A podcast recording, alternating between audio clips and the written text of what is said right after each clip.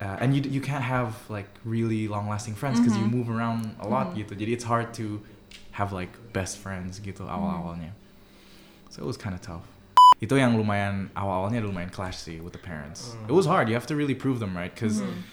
they want what's best for you juga gitu Yeah. loh kalau masih hobi tuh lo kalau jenuh lo kalau bosen lo kalau lagi stres lo bisa ke hobi lo buat Mm-hmm. you know cheer yourself up kalau udah karir lo mau sebosen sejenuh apa pun dengan kerjaan lo lo harus tetap kerja gitu Mm-hmm. right? That's the difference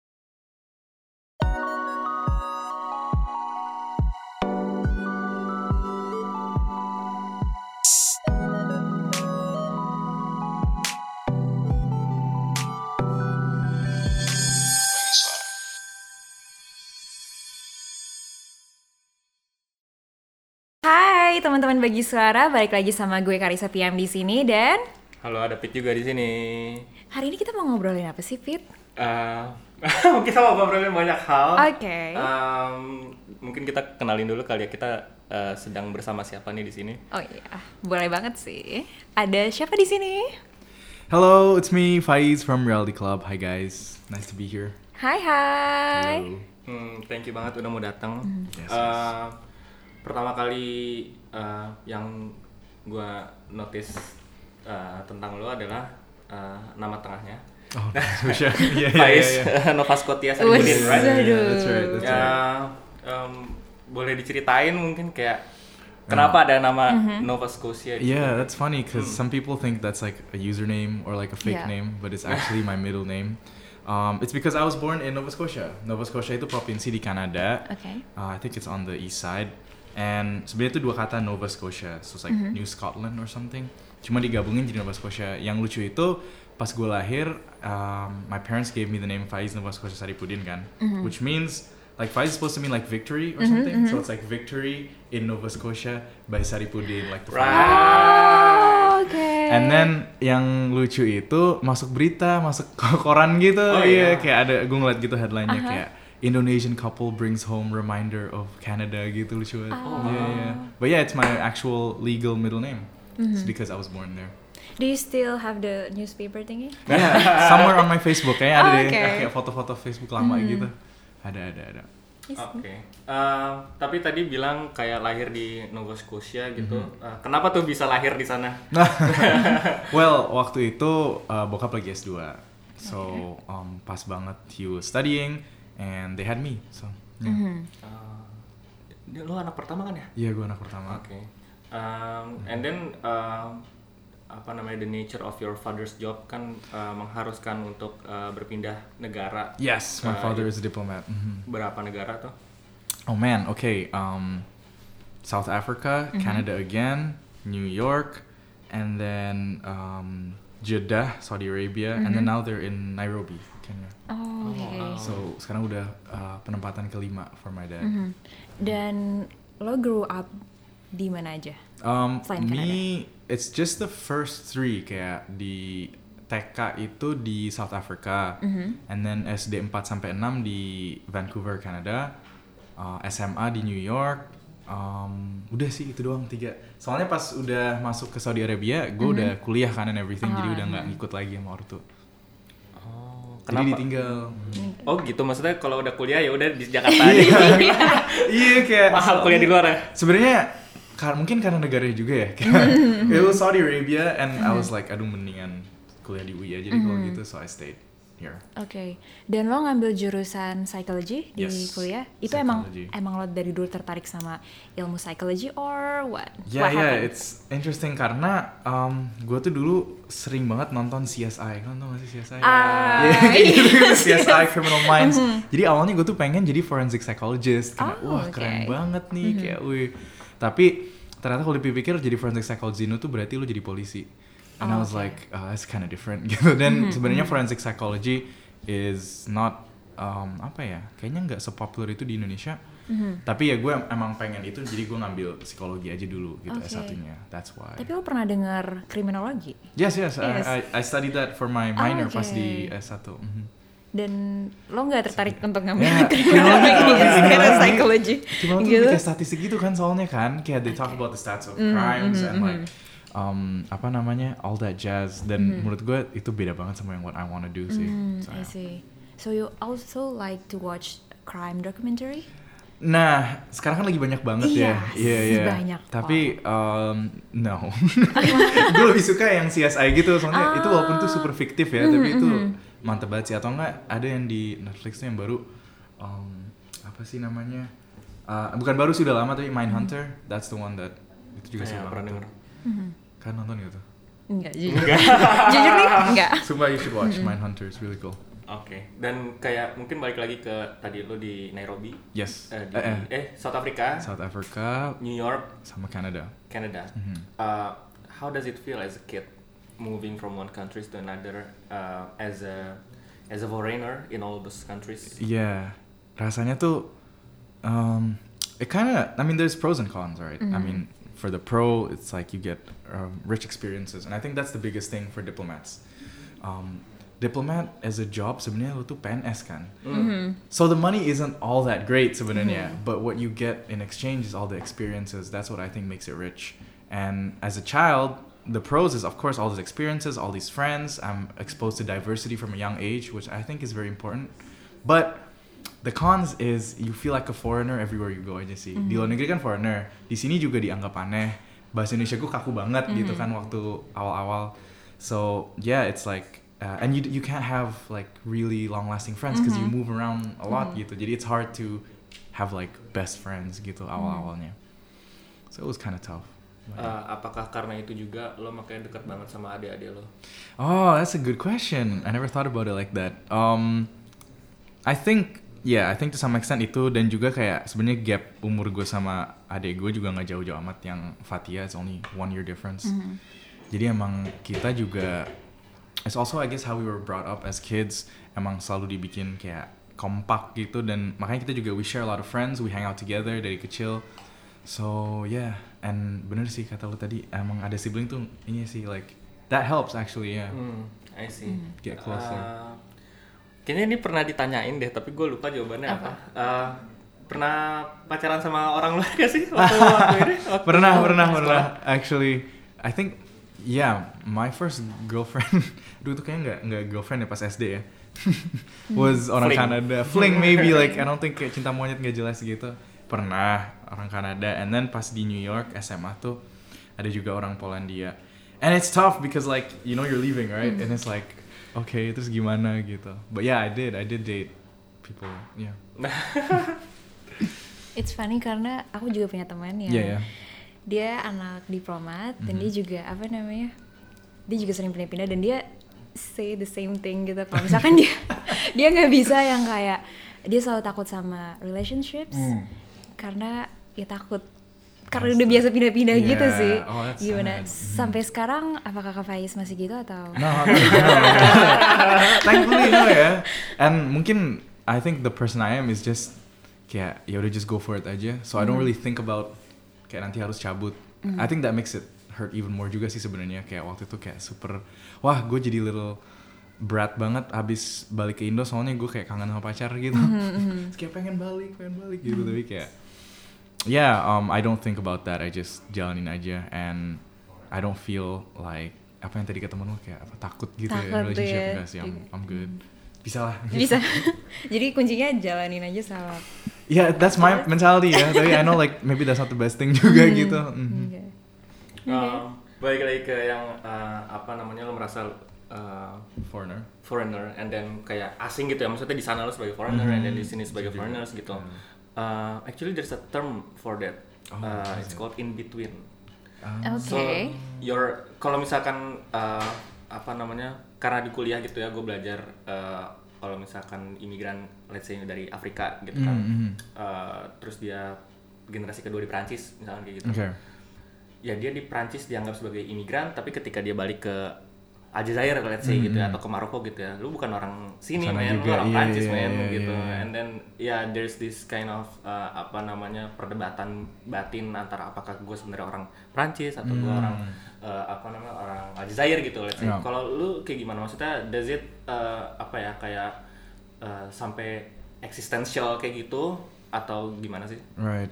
Um, I don't think me personally. I didn't go through that, but maybe it's also because like I had all the different countries, right? Mm. So it's like even though I'm born in Canada, gue orang Indo tapi ke negara-negara beda-beda jadi kayak I can't really claim like I'm Canadian because I don't live that long in Canada cuman like four or five years di Indo juga waktu itu kayak ya paling banyak emang kalau dipikir-pikir di Indo Hmm.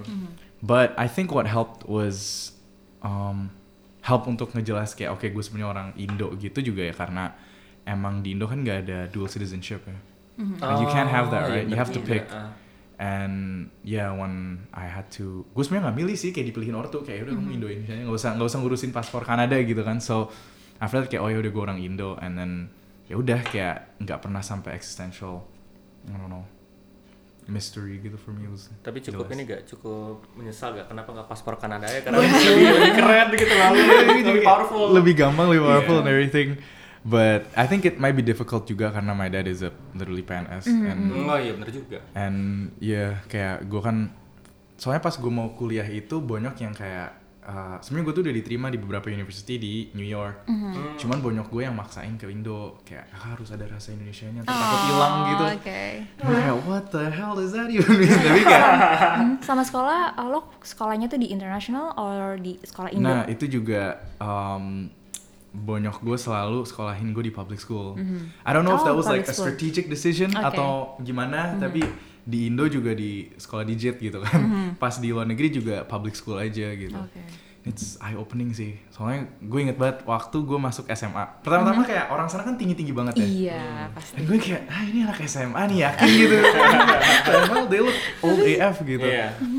hari pertama gue masuk itu uh, eh bukan masuk hari pertama gue masuk buat daftar gitu. Pas gue masuk yang keluar di escort sama polisi in handcuffs. Wah gila gue langsung "Hah, ini sekolah apa Brutal banget ya, brutal. iya kayak langsung shock Oke. gitu gue ada Terus, orang lagi di handcuff terus keluar gitu kayak one of the students I don't know what he did.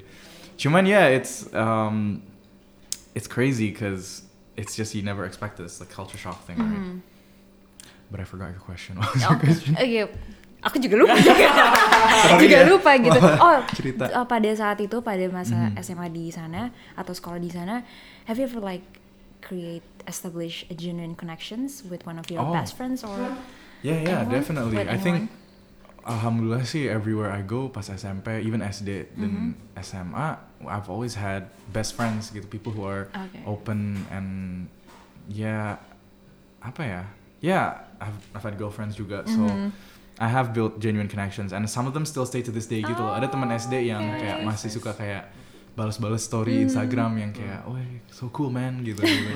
so yeah, I do have those connections and I still can't wait to go back. I just sih pengen holiday ke sana gitu, ketemu lagi. But yeah.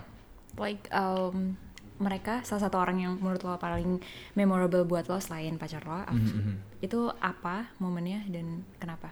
tersebut? Um, hmm, Core memories nih. core memories gue diulik ya. Diuji. Wow. Um, I think jadi pas di SMA di New York itu rumah gue itu deket banget sama sekolah. Like you can see it. Like lo keluar rumah tuh sekolahnya udah kelihatan gitu. And that made it so that my house was like the chill spot. Right. Ah, So like every time after school, kalau orang mau cabut juga ke rumah gue gitu kayak hey are you home gitu. Dan um, I, I think one of my core memories is just those hangouts with my friends and my sister's friends. Jadi kan kayak misalnya gue pulang sekolah bawa temen-temen tiga gitu.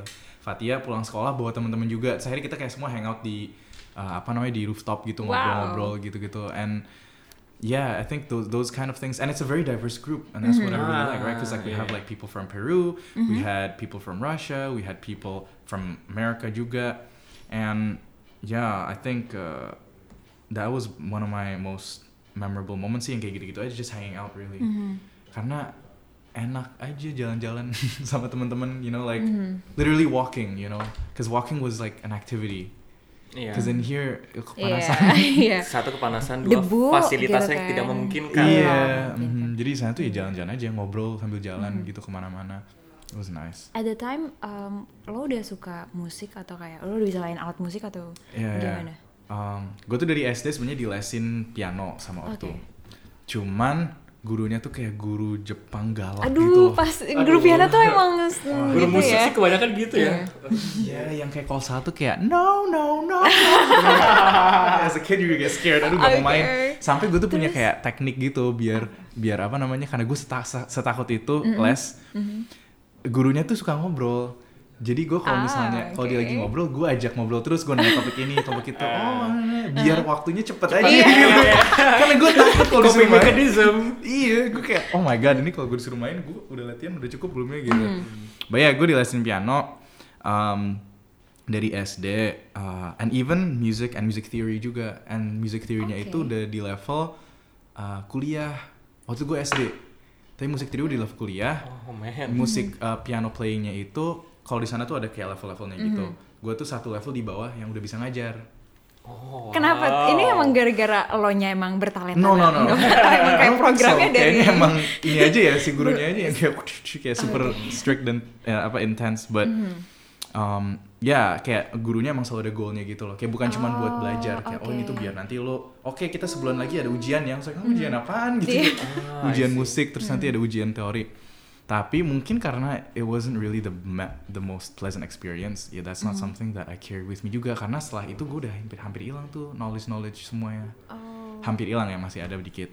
Itu classical, sorry. itu classical ya. Classical, classical and then pas SMA gue belajar uh, diajarin les jazz piano sama Niall oke. Juliarso I don't know if you guys know but he's a prominent Indonesian uh, pianist juga. Dia suka main di Fabster stage like a jazz club di Di Kemang. Kemang ya? Mhm. Uh, dan dia juga apa namanya uh, sering main di New York juga but masanya itu SMA and I had a girlfriend and I had friends and my house is a chill spot. Jadi kayak gue juga males-malesan banget Oh, iya. lesnya. Pasti, pasti. dan gue di-grade-nya baru sekarang dong yang kayak anjir itu tuh Mas Nial he's like a legend kenapa gue nggak ngulik lagi gitu. Loh but um, I think the thing that changed that really made an impact for me sampai sekarang gue jadi you know a musician was dulu tuh gue punya temen namanya Yogi di rumah dia itu ada studio musik Ini di Oh, Kanada. ini di New York Di New York, oke. Mhm. jadi um, dan kita tuh hang itu orang Indo juga kan jadi Oke. orang Indo tuh semua biasanya kayak kita suka main bola bareng bla bla terus hangoutnya di rumah Yogi kan rumahnya gede banget Hmm. di rumah Yogi itu kayak tiba-tiba main musik pada ngeband gitu gue kayak Oke. eh coba deh gitu kayak awalnya main piano abis itu gue kayak main gitar juga and then kayak oh seru juga ya ngeband gitu like make, padahal cuma cover cover doang kan we're not making music but it was so fun and kita beberapa kali main juga di acara KJRI gitu. Wih, kayak misalnya acara seru 17-an bla bla bla.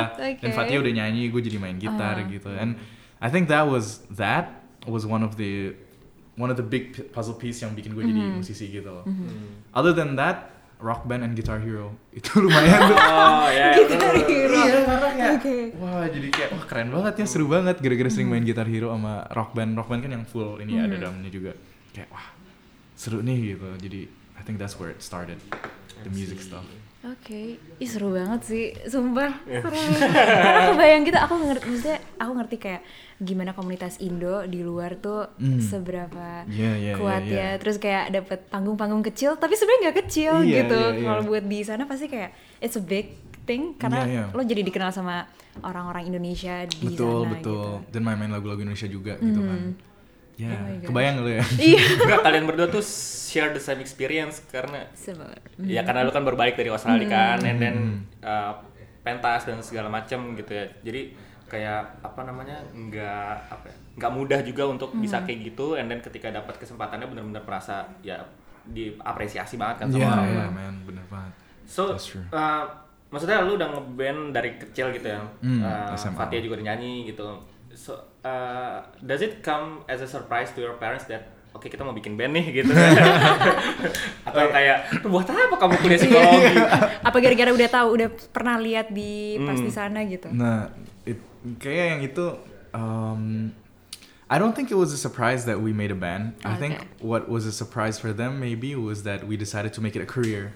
Ah. Ya kan? Ah, I think they, yeah, they yeah, would have known okay. that oh pasti bakal ada hobi ngeband gitu. Hmm. Tapi pas kita benar-benar full stop kantoran semua, full bla Hmm. bla full di musik, itu yang lumayan awal-awalnya lumayan clash sih with the parents. Hmm. It was hard. You have to really prove them right, because they want what's best for you juga gitu Yeah. loh. And namanya juga starting out in a band, ya nggak mungkin langsung duar gitu Yeah. kan. Kayak lo langsung main Coachella kan rada mistis ya kalau bisa kayak gitu. Jadi kayak pasti pas lagi awalnya struggling, ya itu yang kayak lumayan clash kan kayak hey we're trying this and they're like yeah but you still have to ngantor gitu. Kan nggak mau cari kerja yang lain gitu-gitu kan.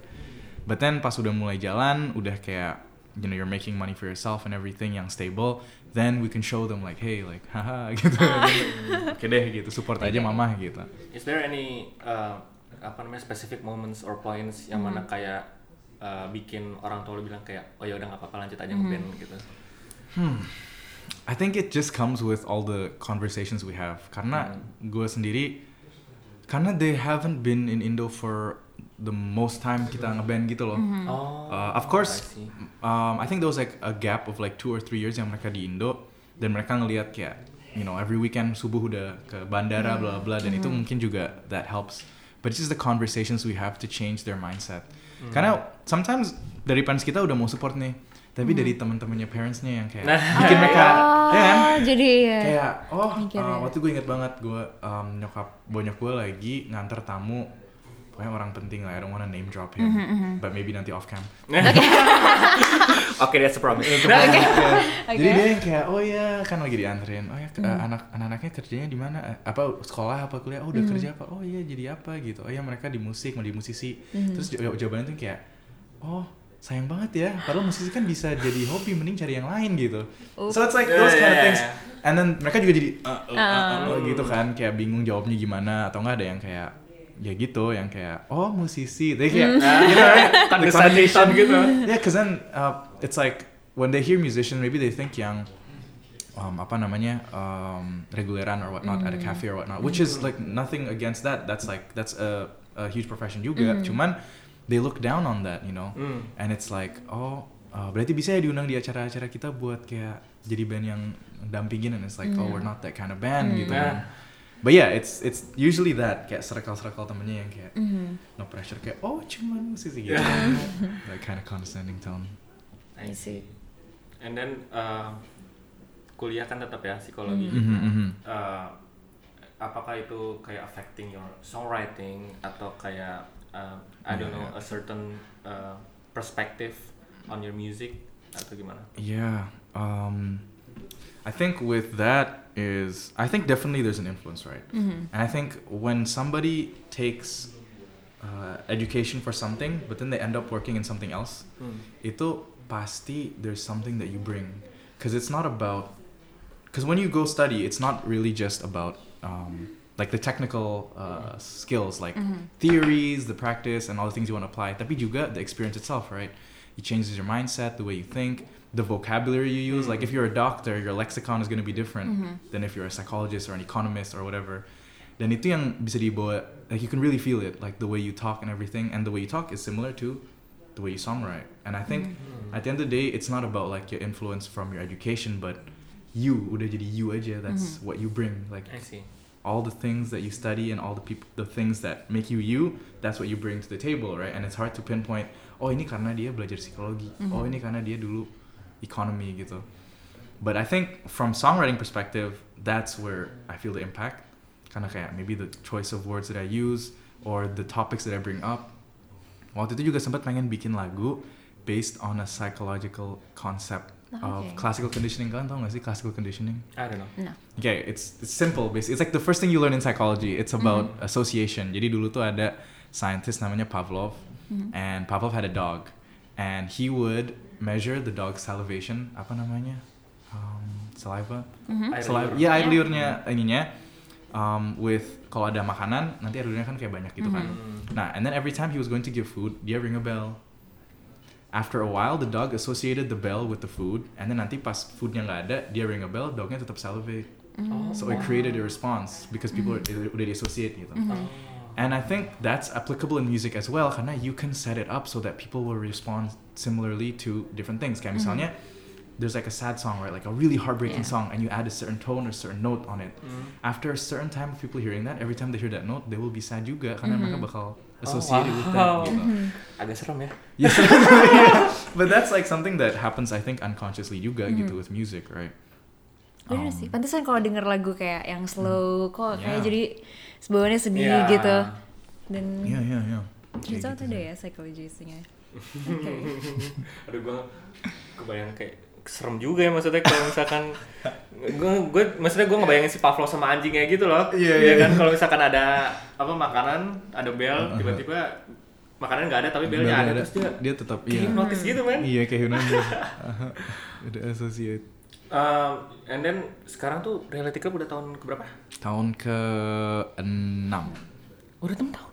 Iya. Dari 2000? 2000 16, 15. Eh, wait, wait, wait, wait, wait, wait. 16?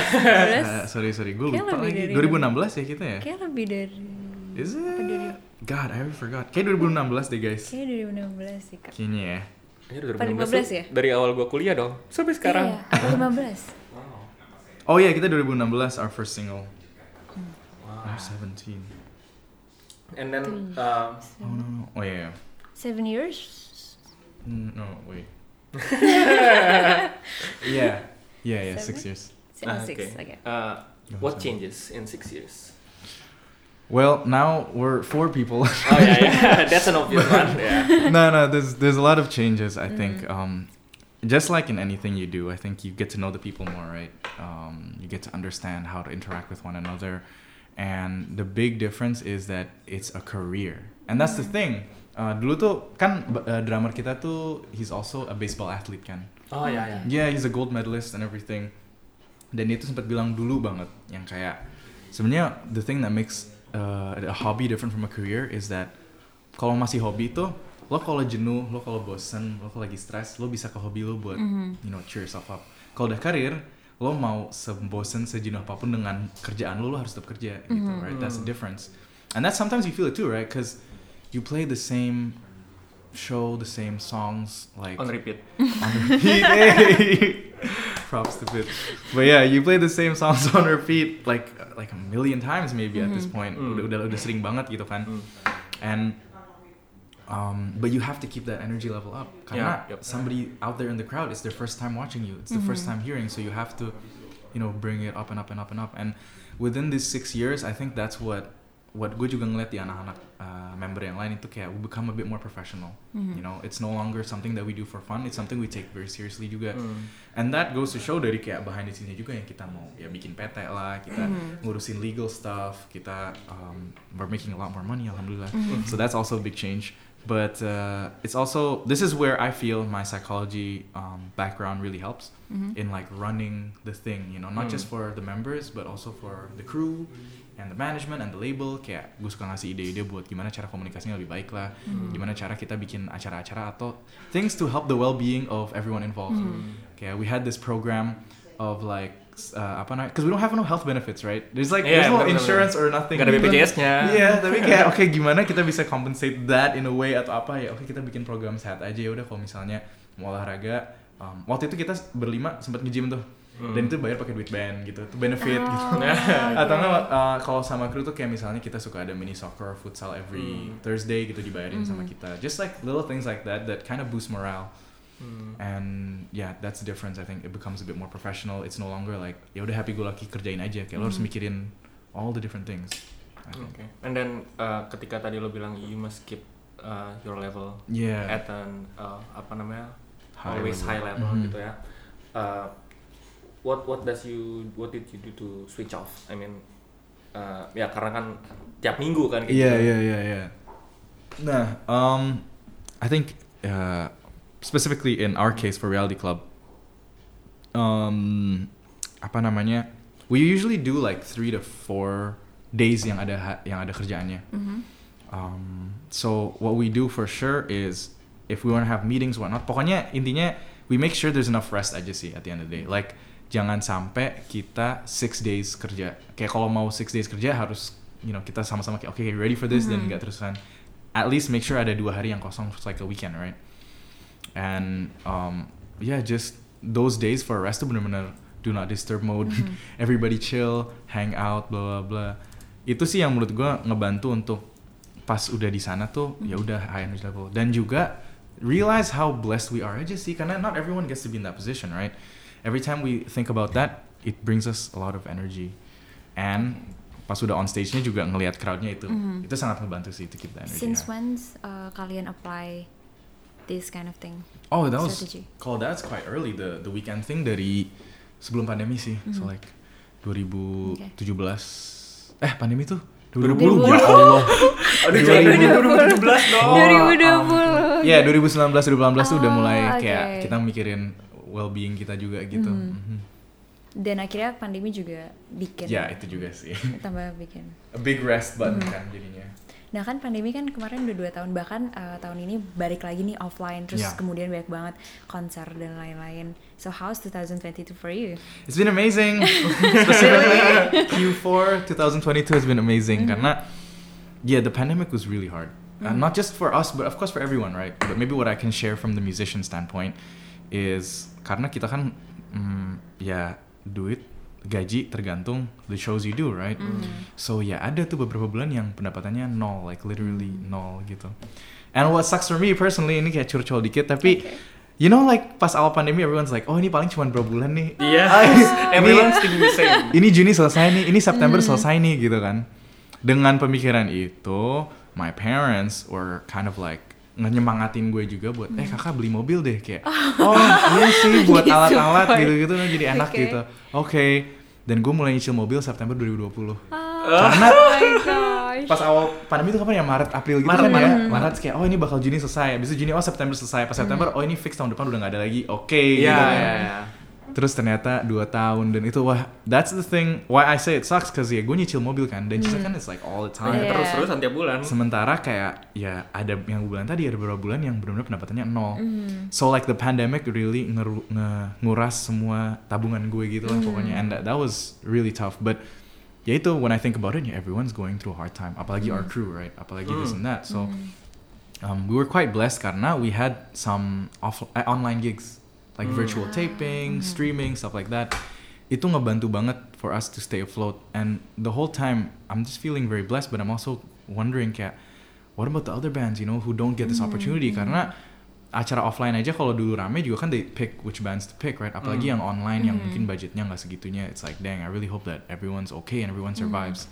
Because there's like a lot of musicians who I'm a big fan of, tapi I don't know if they survived the pandemic gitu loh, in a business sense gitu. Hmm. It must have been tough.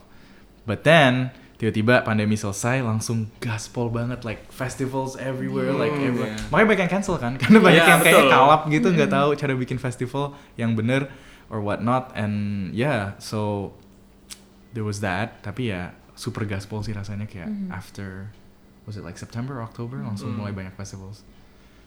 That's Capek nggak? Iya. Capek mental Atau- fisik? Iya.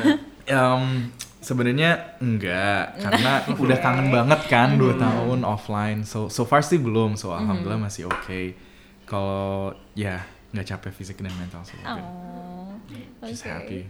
Are uh, any plans for 2023 Yeah, actually. for yourself and for Reality Club? Okay. Um, so for Reality Club, we're having uh, we're sebenarnya kita udah bikin album sama 2020. We made album number number three itu udah selesai, udah di mix di master, cuman lagi nunggu rilisnya. Okay. So hopefully next year Q1 or Q2 there's gonna be a new album. Um, kita juga kemarin last week literally of this taping uh, habis ngerekam habis bikin MV, habis nge-shooting buat MV. So we're gonna have two new MVs for you next year at least uh, around February or March. So yeah, that's the thing. And then we want to do a tour karena oh yeah, something that changed as well for Reality Club within those years is kita sekarang udah jadi ma- ma- join major label. Ooh, ooh, And padahal, okay. gitu, awalnya tuh kita bener-bener anti banget. Cause you know when you when you start out you're like, oh I don't want to join a major Iya, label. iya. Kayak Indie indie banget, bro. Kita harus indie, kita harus tetap ini. Tapi Uh-huh. I think kita juga alhamdulillah banget dapat label yang lumayan open dengan mereka nggak nyentuh kreatif prosesnya sama sekali. Okay. Mereka bisa ngasih suggestion dan kita juga soalnya it's it's about mutual respect right. You respect us, we respect you. Ya kita juga nanya-nanya juga ke dia like their thoughts or maybe they have their tips. Tapi pas kita udah mulai create like don't touch it like jangan minta ganti-ganti lah gitu. Hmm. And ya di situ sih kerasa banget kayak mereka banyak plans buat kita juga gitu. And now we feel the support. okay. Sebenarnya pas pandemi udah ma we join like 2021. So tapi mungkin karena pandemi we never felt the major label backing gitu loh. Karena mungkin nggak bisa ketemu and whatnot. Iya. Pas udah selesai kita ke kantor labelnya dan di situlah yang kayak meeting gitu banyak orang dan mereka yang kayak each department kayak marketing department, merch department, the statistics, mereka semua ngasih insight ke kita Yeah. gitu loh. Oh, gosh, okay. And one of the plans uh, buat jawab pertanyaan lo juga is that we want to have a big tour sih. Wow, oh my gosh. Oh doain. Bocoran-bocoran berapa kota? Yes. Oh my god. Bulan apa aja? Biar teman-teman bisa nabung Iya. ya dong. Iya bener banget. Oke, kalau berapa kotanya belum tahu, tapi it's probably gonna be more than we've ever done. Um, kita rencananya habis Lebaran sih. Oh. So still a while, so you guys bisa nabung dari sekarang. Mm-hmm. And um, it's not just gonna be limited to Indonesia actually. It's going to be yeah, Keren. Mantap, mantap, mantap, mantap. negara lain juga. Wow, exciting. We're really excited too, Mm-hmm. guys. And oh, mungkin juga mau gue bocorinnya juga. Um, it's not gonna be like any reality club show you've seen before. Karena kita mau make it as big and grand as possible. Mm-hmm. Kayak it's gonna be a show, like not just a music show, but it's gonna be a show gitu. Okay. If that makes any Like sense. yeah, yeah. Yeah. Perform yeah, something like Yeah. performing arts something. Okay. Totally. And for yourself? Oh my Oh iya God. bener juga. Kamu kedengeran. Um, 2023. Hmm, bocorin nggak ya? okay, well I've been I've been working on some stuff sih. Oh, okay. Personal Single. project. Oh, Personal nggak. project, yes. Is it Uh, going to be music or business? It's a music project. it's a music okay. project, and um, so far it's not for reality club. So that's Oh. the little hint. Mm-hmm. So yeah, we'll see. Maybe you'll see something from me soon, Mhm. 2023. I see. Gak Oke. sabar sih jujur. Yeah. Gimana nih? Kayaknya gaspol banget ya untuk 2023 ya. Yeah, we have to, right? We have to keep up. Mhm. Oke, sip. Ah, thank you banget Faiz atas kesempatan ngobrol-ngobrolnya. Thank you so Ah, much. Senang banget bisa ngobrol baru pertama kali ketemu dan ah, ya nggak kaku lah ya, alhamdulillah ya. Oke, Thank untuk teman-teman bagi suara jangan lupa untuk ah, follow at Spitfire. Yes. Uh, at Reality Club juga Yes. dan juga jangan lupa untuk follow at bagi kata hub di Instagram dan Twitter. Yes. Uh, Pete signing out. Karisa PM signing out. Thank you. And Faiz signing out. Thank you. Bye. Bye. Bye.